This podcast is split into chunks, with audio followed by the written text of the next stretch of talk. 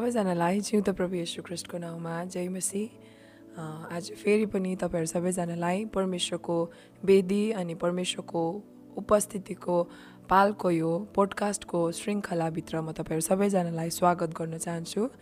अनि आज हामी फेरि पनि परमेश्वरको वेदीको आत्मिकी रहस्य अनि आत्मिकी महत्त्वको बारेमा पवित्र आत्माको अगुवाईमा फेरि पनि हामी केही कुरालाई अगाडि सिक्न गइरहेको छौँ अनि यो दोस्रो एपिसोडमा हामी छौँ।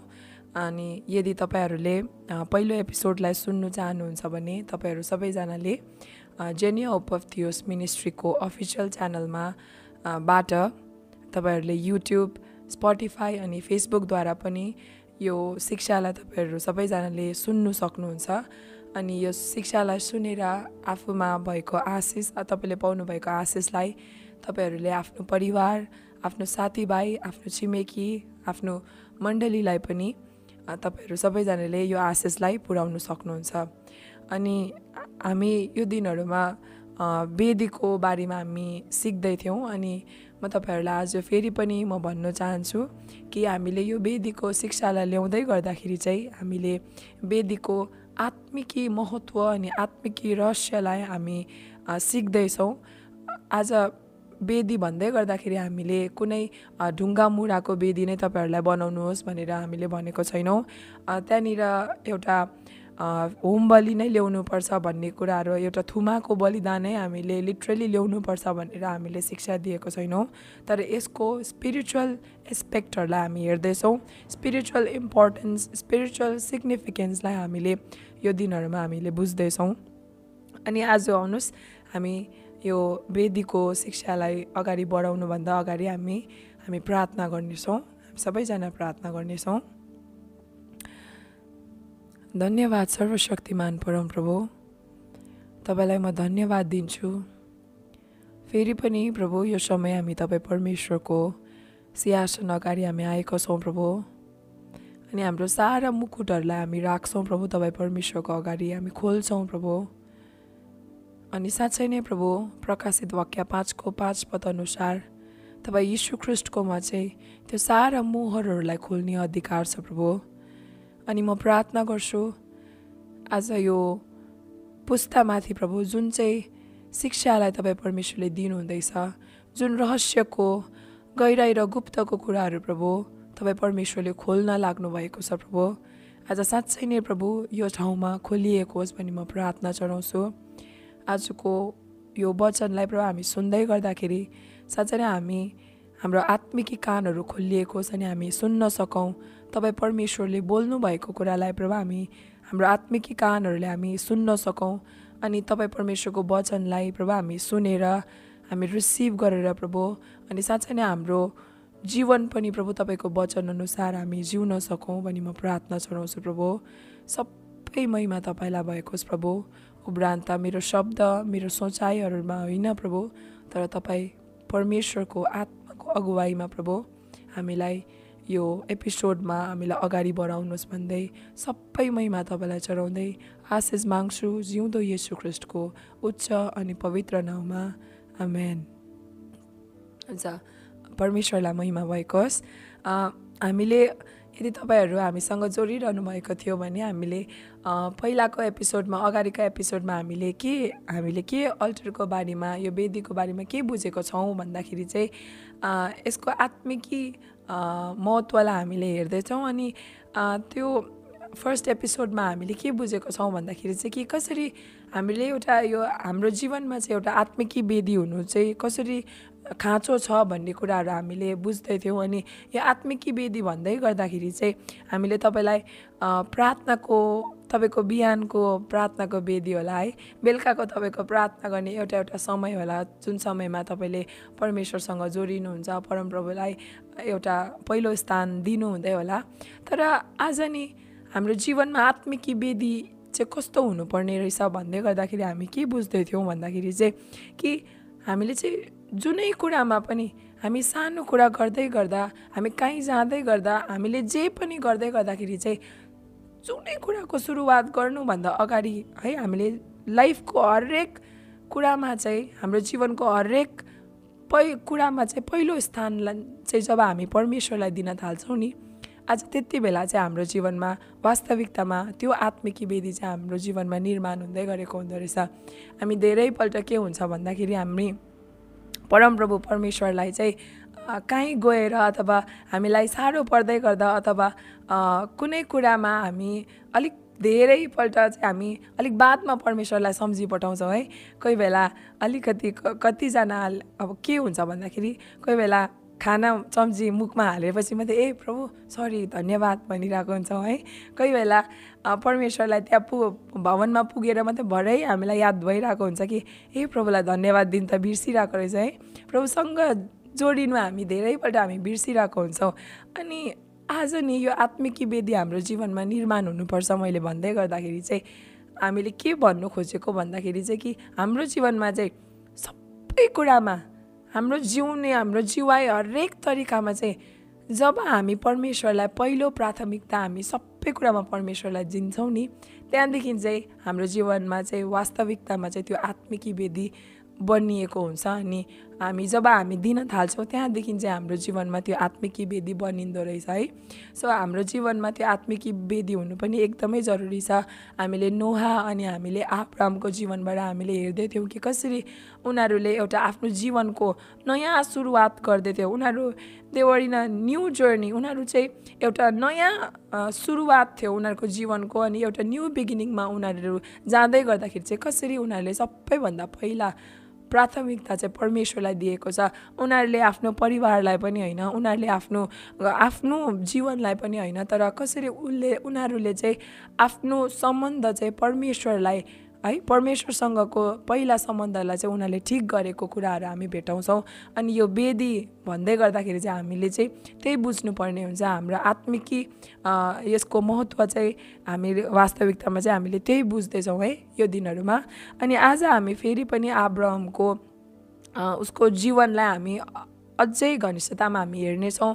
उसको पहिलो वेदीलाई हामीले हेर्दैथ्यौँ अनि अब उसले फेरि पनि वेदीहरू उसको जीवनमा हामीले बाइबलमा हामी हेर्छौँ भने धेरैवटा उसले वेदीहरू बनाएको छ अनि त्यो वेदी कुन जग्गामा बनाएको छ अनि जीवनको कुन चाहिँ परिस्थितिमा उसले त्यो वेदीहरू बनाएको छ अनि त्यो वेदीको स्पिरिचुअल एस्पेक्टहरू के छ भन्ने कुराहरू आज हामी बुझ्नेछौँ। अनि आउनुहोस् यो वेदीको शिक्षालाई हामी सुन्दै गर्दाखेरि हामी एकदमै बिब्लिकल हुनु जरुरी छ है किनकि वचनदेखि बाहिर हाम्रो सिमाना गयो भने त्यो चाहिँ एकदमै गलत हुन्छ है। अन्त हामी वचनभित्रै रहेर चाहिँ हामीले यो कुराहरू हामी तपाईँको अगाडि ल्याइ पनि रहेको छौँ। अनि हामी वचनभित्र नै हामी हुनु एकदमै जरुरी छ। अनि म तपाईँहरूको सामने एउटा वचनलाई पढ्न गइरहेको छु। हामी सबैजनाले हेर्नेछौँ। उत्पत्ति बाह्रको आठ अध्यायलाई हामी हेर्नेछौँ जहाँ यस्तो लेखिएको छ त्यहाँबाट तिनी हिँडेर बेतेलको पूर्वपट्टि भएको पहाडमा सरे। बेतेललाई पश्चिम र ए सहरलाई पूर्वपट्टि पारेर आफ्नो पाल टाँगे। तिनले परमप्रभुको नाउँमा त्यहाँ एउटा वेदी बनाएर परमप्रभुको नाउँको पुकार गरे। म यहाँ तपाईँहरूलाई आज इङ्ग्लिस भर्जनमा पनि म पढिदिन चाहन्छु। जेनेसिस च्याप्टर verse 8 यहाँ यस्तो लेखिएको छ। From there he moved to the hill country on the east of Bethel and pitched his tent with Bethel on the west and Ai on the east. And there he built an altar to the Lord and he called upon the name of the Lord भनेको छ यहाँनिर चाहिँ ऊ चाहिँ कनान देशमै छ अनि उसले पहिलो वेदी चाहिँ कति बेला बनाएको छ भन्दाखेरि चाहिँ जब चाहिँ परमेश्वर ऊ कहाँ देखा पर्यो अनि ऊ कहाँ देखा पर्नु भएपछि चाहिँ उसले त्यहाँदेखि चाहिँ परमेश्वरको निम्ति त्यहाँनिर वेदी बनाएको छ। तर त्यो वेदीमा चाहिँ उसले एउटा परमप्रभुको नाउँलाई चाहिँ उसले पुकार गरेको छैन। तर उसको अर्को हामी अध्यायमा यहाँनिर हामी आठ अध्यायमा आएर हामी हेर्छौँ भने जस्तै आब्राहमले नि आब्राहमलाई परमेश्वरले देखा पर्नुभयो अनि आब्राहमलाई परमेश्वर बात पनि गर्नुभएको छ परमेश्वरले भन्नु पनि भएको छ अनि त्यहाँदेखिको आब्राहमले अर्को वेदी यहाँनिर निर्माण गरेको निर्माण गरेको हामीले भेटाउँछौँ अनि त्यो वेदीबाट चाहिँ नि यहाँनिर के लेखेको छ भन्दाखेरि चाहिँ त्यो बेदी त्यो वेदी बनाइसकेपछि चाहिँ आब्राहमले चाहिँ परमेश्वरको नाउँको पुकार गरे भनेर भनेको छ। अनि यदि हामी हेर्छौँ भने नि त्यो समयहरू चाहिँ यस्तो समय थियो त्यति बेला चाहिँ जस जो पायो त्यसले चाहिँ परमेश्वरको नाउँलाई लिनु सक्थेन। जो पायो त्यसलाई त्यसले चाहिँ त्यसलाई चाहिँ परमेश्वर को हुनुहुन्छ भन्ने थाहा पनि थिएन अनि परमेश्वरको नाउँलाई लिने अधिकार चाहिँ जो पाए त्यसकोमा थिएन पनि।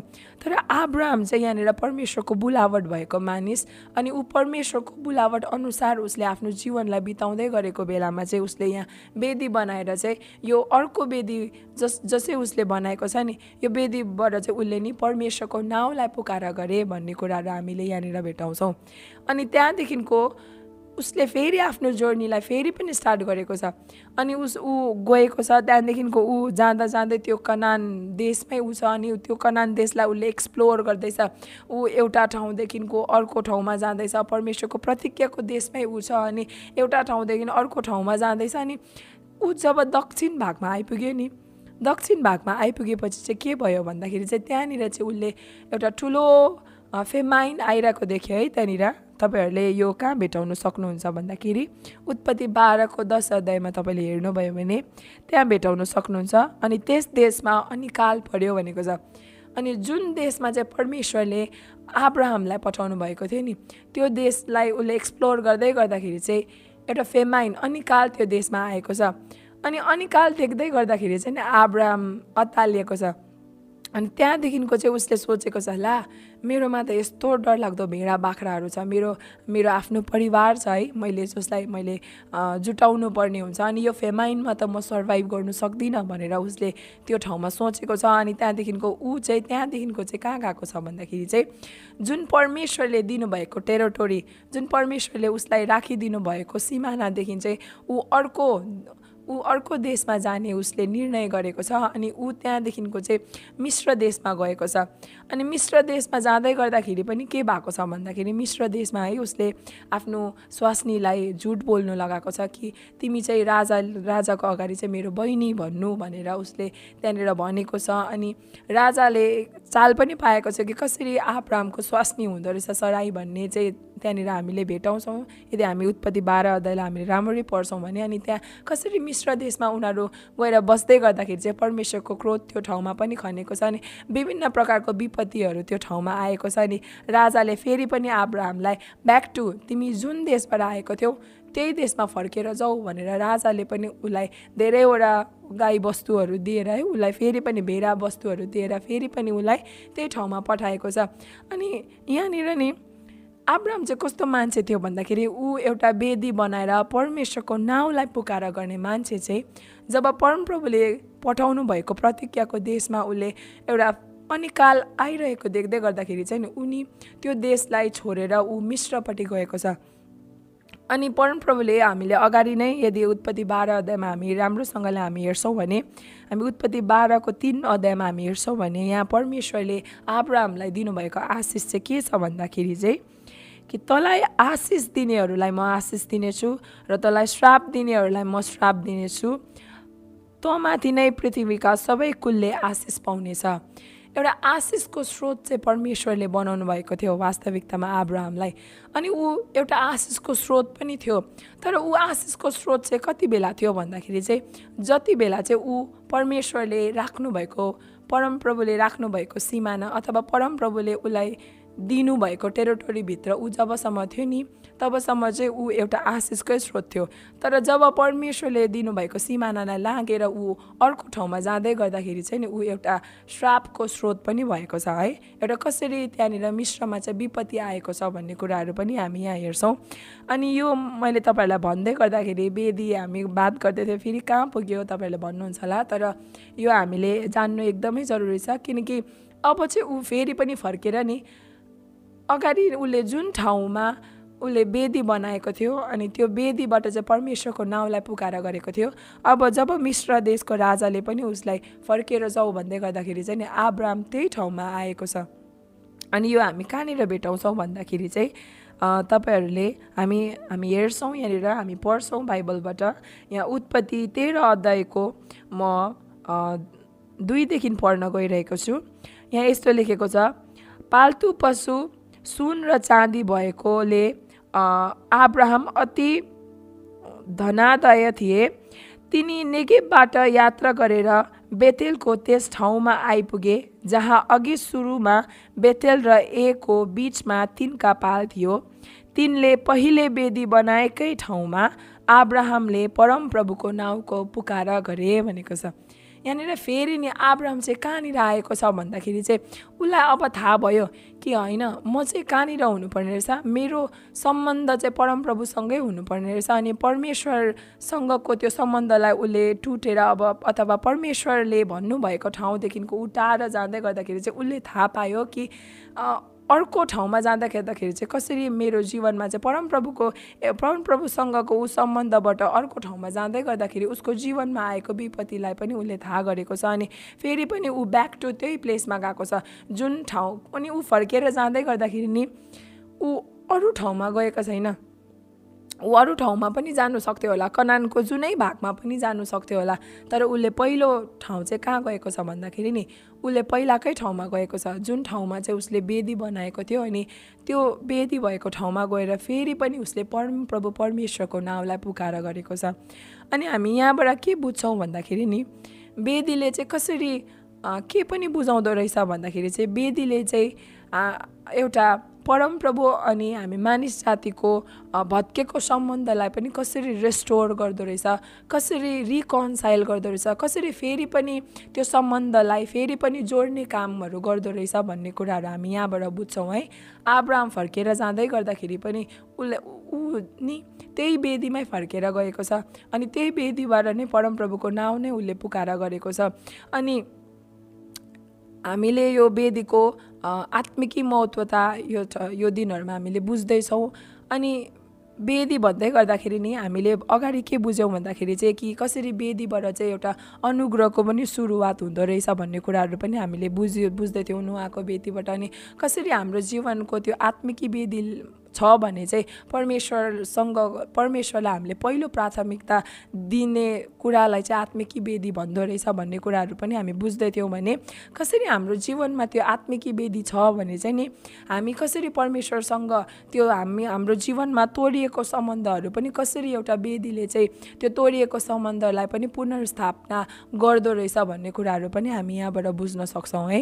आज यो वेदीको शिक्षालाई तपाईँहरूले हेर्नु हुँदै गर्दाखेरि कतिजना तपाईँ तपाईँहरू युट्युब मार्फत जोडिरहनु भएको छ। कतिजना आज स्पोटिफाईमा सुन्नुहुँदै होला कतिजना आज फेसबुकमा हेर्नुहुँदै होला कतिजना हामीसँग पनि यहाँनिर जोडिरहनु भएको छ है।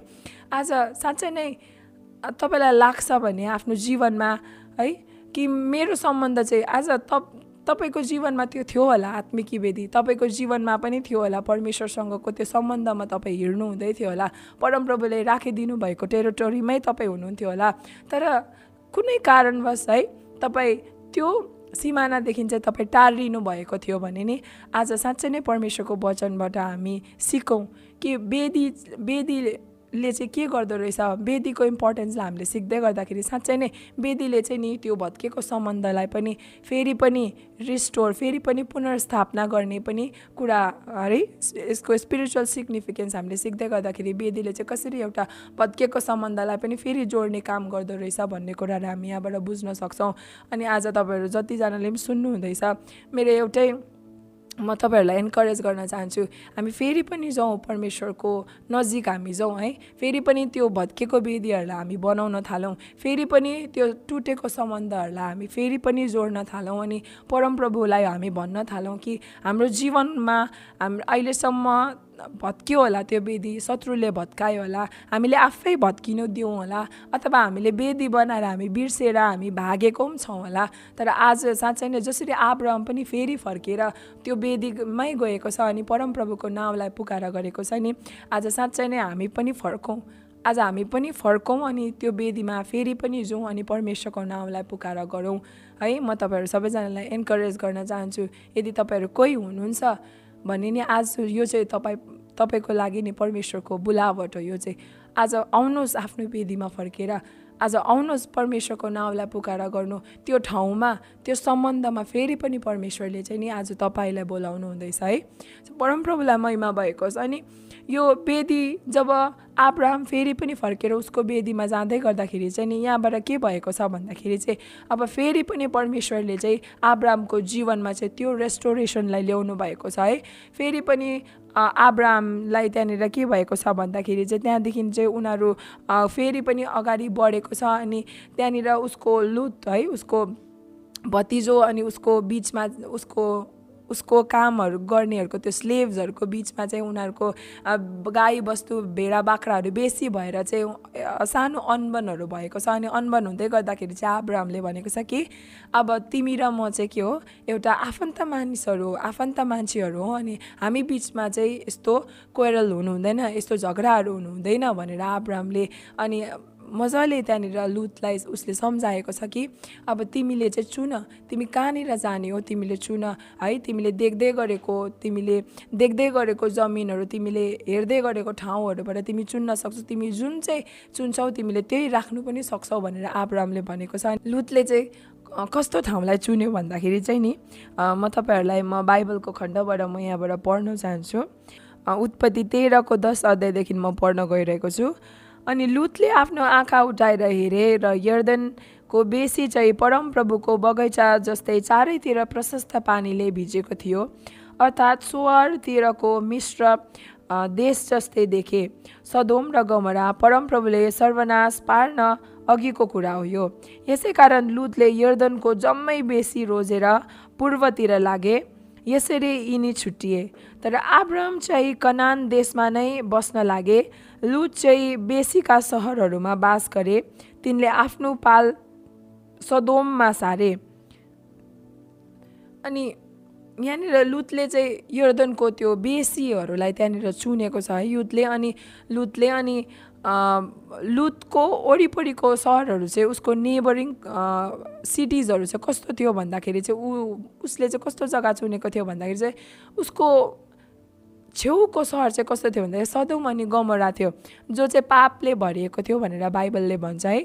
अनि हामीलाई याद छ सदौम अनि गमराको बादमा के हालत भएको छ परमप्रभुको क्रोध कसरी खनिएको छ भन्ने कुराहरू पनि हामीलाई याद भएको कुरा हो। अनि लुतले चाहिँ त्यस्तो जग्गा चुनेको छ तर आब्रामले चाहिँ के गरेको छ भन्दाखेरि चाहिँ आब्रामले चाहिँ म चाहिँ परमप्रभुले मलाई दिनुभएको जमिनमै बस्छु भनेर उसले त्यो निर्णय गरेको छ अनि आब्राम चाहिँ कनान देशमा नै बसेको छ। अनि जसै ऊ आब्राम त्यहाँ कनान देशमा बसेको छ नि उसले त्यो ठाउँमा फेरि पनि एउटा वेदी बनाएर परमेश्वरको नाउँको त्यो ठाउँमा पुकारा गरेको छ है। आउनुहोस् म फेरि पनि अलिक तल म पढ्न चाहन्छु हामी बाइबलबाट हेर्नेछौँ। उत्पत्ति तेह्रको तेह्रदेखि म पढ्न गइरहेको छु। सदोमका मानिसहरू दुष्ट थिए र परमप्रभुको विरुद्धमा साह्रै पाप गर्थे। लुत तिनीबाट अलग भएपछि परमप्रभुले आब्राहमलाई भन्नुभयो अब तेरो आँखा उठाएर त भएको ठाउँबाट उत्तर दक्षिण पूर्व र पश्चिमतिर हेर किनकि तैँले देखेका सबै ठाउँ म तँलाई र तेरा सन्तानलाई सधैँको निम्ति दिनेछु। म तेरा सन्तानलाई पृथ्वीको धुलोसरी बढाउनेछु।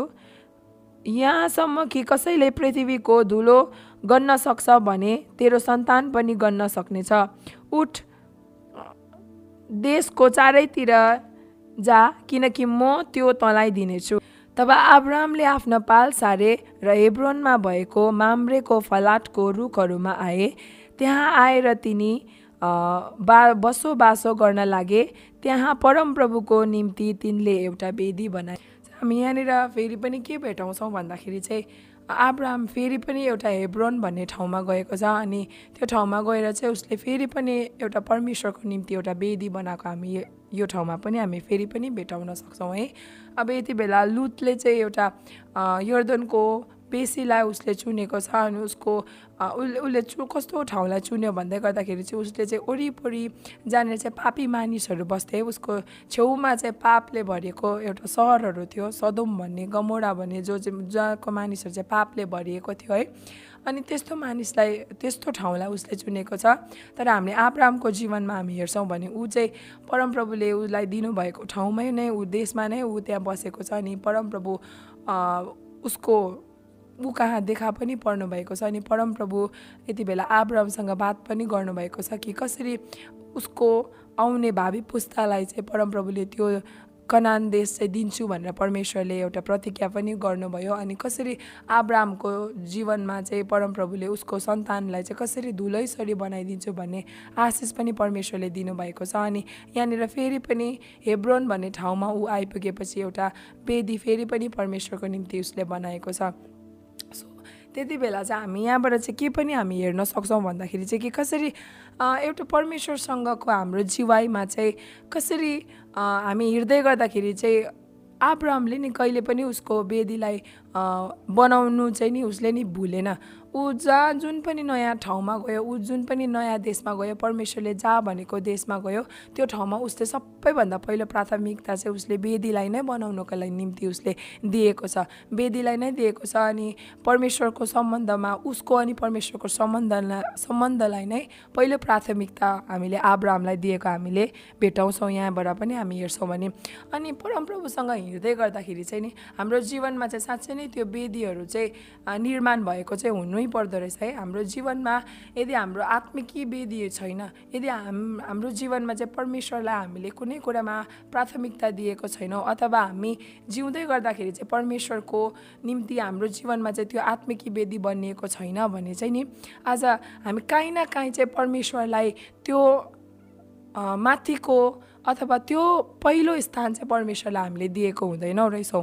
तर एउटा जब हामीले हाम्रा जीवनमा चाहिँ एउटा आत्मिकी वेदी बनेको छ भने चाहिँ यसले के पनि बुझाउँदो रहेछ भन्दा चाहिँ परमप्रभुसँगको हाम्रो घनिष्ठता अथवा परमप्रभुसँगको हाम्रो सम्बन्धको गहिराइलाई पनि यसले बुझाउँदो रहेछ भन्ने कुरालाई हामी यहाँबाट बुझ्न सक्छौँ है। सो परमेश्वरलाई महिमा भएको आज हामी आब्रामको यो जुन चाहिँ उसले बनाएको वेदीहरूको बारेमा हामीले जानेको छौँ हामीले बुझेको छौँ अनि कसरी हामीले यो पनि हामीले आज बुझ्दैथ्यौँ कि कसरी हाम्रो जीवनमा त्यो आत्मिकी वेदीले चाहिँ परमप्रभुसँगको त्यो सम्बन्धलाई फेरि पनि जोड्ने काम पनि गर्दो रहेछ भन्ने कुराहरू पनि हामीले बुझ्दैथ्यौँ कि कसरी हाम्रो जीवनमा यदि हामीले त्यो वेदीहरूलाई छोडेर आएको छौँ हामीले त्यो वेदीहरूलाई बिर्सेको छौँ भने पनि कसरी हामीले चाहिँ फेरि पनि त्यो वेदीहरूलाई पुनर्स्थापना गर्नुपर्ने हुँदो रहेछ फेरि पनि एउटा हाम्रो जीवनको त्यो आत्मिकी वेदीलाई चाहिँ हामीले बनाउनै पर्ने रहेछ परमप्रभुसँगको त्यो सम्बन्धमा रहनुको लागि चाहिँ भनेर हामीले यो कुराहरूलाई हामीले बुझेको छौँ है। अनि यो वेदीको बारेमा भन्दै गर्दाखेरि फेरि पनि म तपाईँहरूलाई भन्न चाहन्छु कि हामीले चाहिँ यो आब्रामले बनाएको जस्तो ढुङ्गा मुढाको वेदीहरू हामीले भनेको छैनौँ। तपाईँहरूले गएर फेरि पनि प्रभुसँगको सम्बन्धलाई फेरि पनि रिस्टोर गर्नुहोस् अथवा फेरि पनि परमप्रभुसँग त्यही घनिष्ठतामा जानुको लागि चाहिँ अब गएर ढुङ्गाहरूको वेदी बनाउनुहोस् भनेर हामीले भनेको होइन।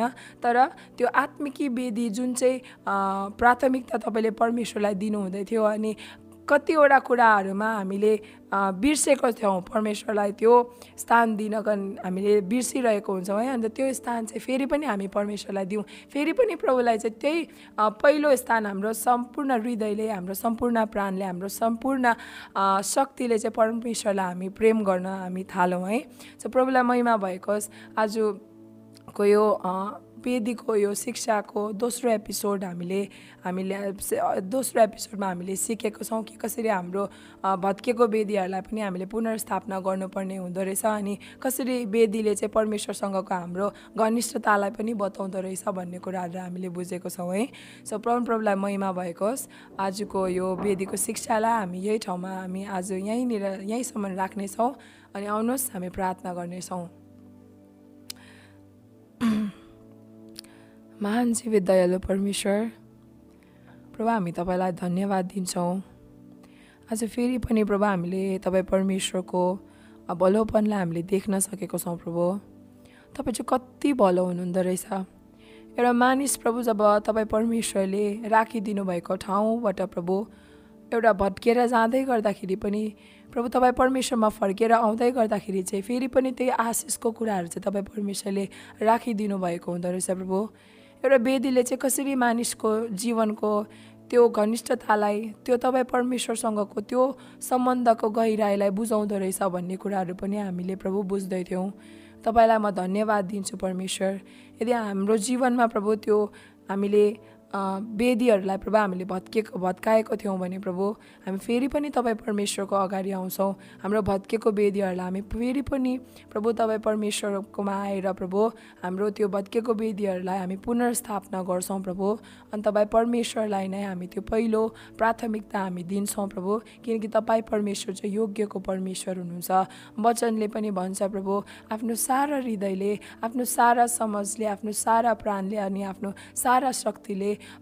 तिमीहरूले आफ्नो परमेश्वरलाई प्रेम गर भनेर भन्दछ प्रभु। अनि साँच्चै नै प्रभु यो वेदी निर्माण हुँदै गर्दाखेरि चाहिँ हामीले आफ्नो सारा हृदयले तपाईँ परमेश्वरलाई प्रेम गर्नु हामी सक्दो रहेछौँ प्रभु। धन्यवाद फेरि पनि यो वेदीको आत्मिकी प्रभु तपाईँले महत्त्वहरूलाई हाम्रो हाम्रो बिचमा प्रभु तपाईँ परमेश्वरले खोल्नु हुँदैछ हामी बुझ्दैछौँ प्रभु। तपाईँलाई महिमा भएको होस्। अनि प्रभु यो वचनलाई हामी सुनेर हामीलाई पालन गर्ने तपाईँ परमेश्वरले बनाउनुहोस्। जुन बिउ चाहिँ तपाईँ परमेश्वरले छर्नु हुँदैछ प्रभु यो जेनेरेसनमा साँच्चै नै यो बिउले चाहिँ प्रभु सही गुना कटनी गरेको होस् प्रभु भनी म प्रार्थना चढाउँछु। धन्यवाद फेरि पनि यो समय तपाईँ परमेश्वरले दिनुभयो प्रभु। उब्रान्त कुरा सबै थोक तपाईँ परमेश्वरको हातमा समर्पण गर्दै फेरि पनि माग्छु जिउँदो यशु ख्रिस्टको उच्च अनि पवित्र नाउँमा। आमेन। सबैजनालाई जय मसी